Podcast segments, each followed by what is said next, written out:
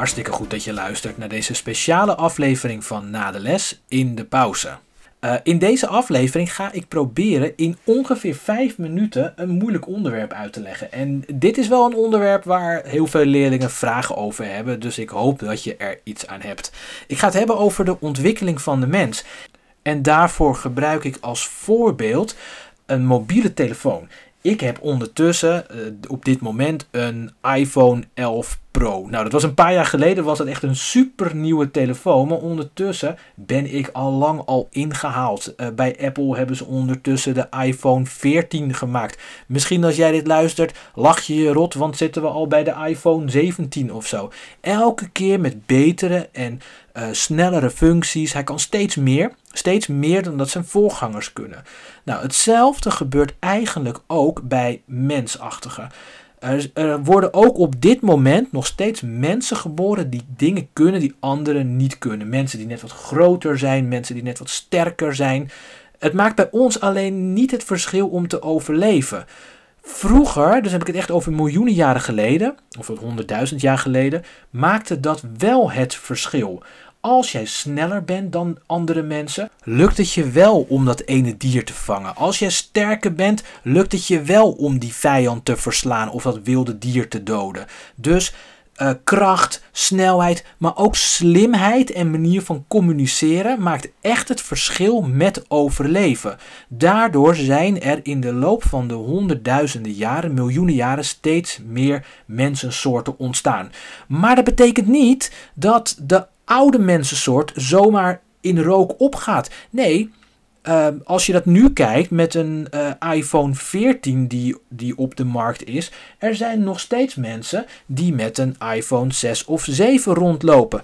Het wordt wel steeds minder. Je zult steeds minder mensen tegenkomen die die telefoon hebben, totdat die op een gegeven moment helemaal verdwenen is. Zo is het ook met de voorgangers van onze mensensoort gegaan. Wij zijn de Homo sapiens, de denkende mens.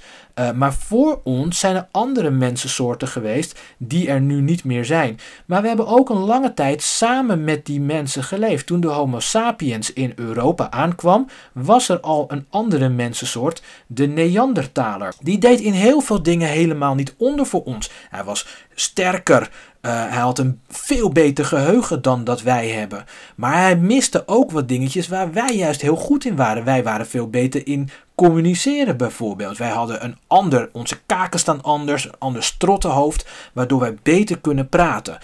Maar die mensensoorten hebben dus nog een tijd lang naast elkaar geleefd. Sterker nog, wetenschappers weten ondertussen dat in het DNA van Europeanen ook nog een klein beetje Neandertaler DNA zit. Ook de Homo erectus, dus de rechtopstaande mens, die heeft ook nog een tijd geleefd terwijl de Homo sapiens zich aan het verspreiden was. In Indonesië heb je een eilandengroep dat heet Flores. Daar heeft nog tot 50.000 jaar geleden, dat is echt bizar kort geleden, heeft de Flores-mens daar geleefd. Dat is een, een, een mensensoort die afstamt van waarschijnlijk de Homo erectus. Uh, dus die echt nog veel ouder is dan de Homo sapiens. Dat was een heel raar mensensoort, even heel kort. Dat was een mensensoort die op een eilandengroepje leefde, die geen vijanden hadden. Ze hadden geen voordeel aan lang zijn. Het was zelfs gunstiger om klein te zijn, want dan verbruik je minder energie, heb je minder voedsel nodig. En daardoor werd die mensensoort steeds kleiner en worden ze ook wel de hobbitmensen genoemd. Uiteindelijk zijn wij nu op dit moment de enige overgebleven mensensoort, de Homo sapiens. Betekent zeker niet dat wij ook de laatste mensensoort zullen zijn. Op het moment dat er een meteoriet neerstort op aarde en een groot deel van ons leven verwoest, uh, dan zullen mensen moeten zien te overleven. En mensen met goede eigenschappen om te overleven, die geven die eigenschappen door aan hun kinderen. Als je geen goede eigenschappen hebt om te overleven, ga je waarschijnlijk dood. En je die eigenschappen dus niet door aan de mensensoort. En op die manier kan het dus zijn dat over 10.000 jaar er zich toch weer een nieuwe mensensoort heeft ontwikkeld. En hoe zit het dan met apen?